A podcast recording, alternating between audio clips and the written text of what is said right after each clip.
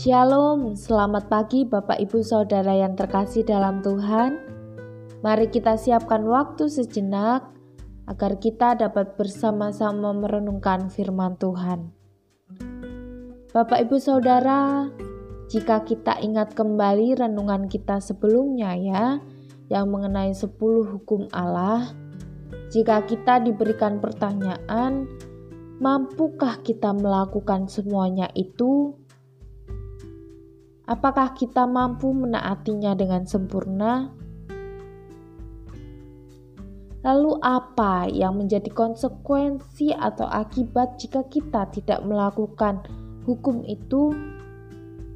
Nah, Bapak Ibu Saudara, ketika kita tidak bisa melakukan hukum itu, maka akibatnya adalah kita akan memperoleh hukuman dari Allah, dan itu hukumannya bersifat kekal dan tidak ada yang bisa menyelamatkan kita dari hukuman itu.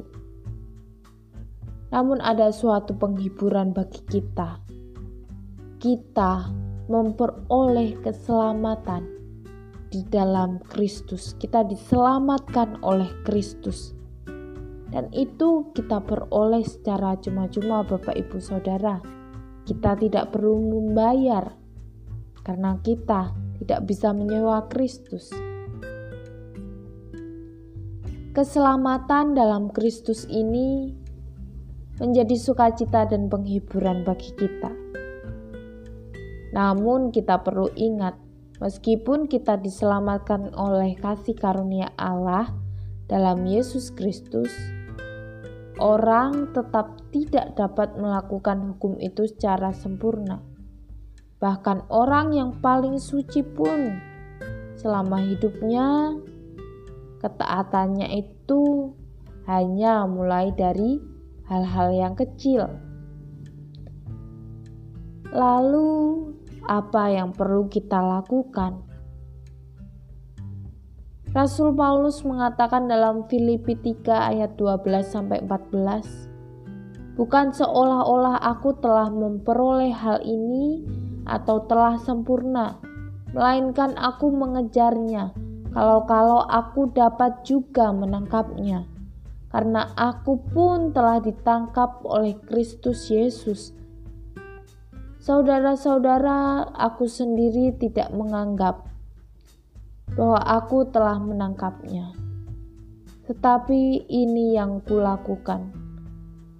Aku melupakan apa yang telah di belakangku dan mengarahkan diri kepada apa yang di depanku dan berlari-lari kepada tujuan untuk memperoleh hadiah, yaitu panggilan surgawi dari Allah dalam Kristus Yesus.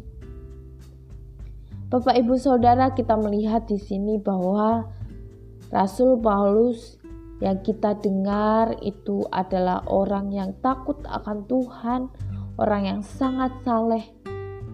Ia pun juga sadar bahwa dirinya jauh dari yang sempurna. Dan oleh karena itu, ia tetap terus mencoba mematuhi Allah. Terlepas dari ketidakmampuannya, Paulus terus mau berusaha menuju kepada kesempurnaan surgawi.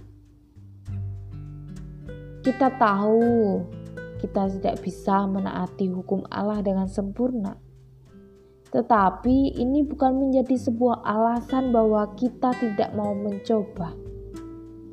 Kita harus mau berusaha untuk taat. Roh Kudus yang ada dalam diri kita akan menolong kita untuk dapat hidup sesuai dengan perintah Allah. Amin. Biarlah firman Tuhan ini memberkati kita semua. Tuhan Yesus memberkati.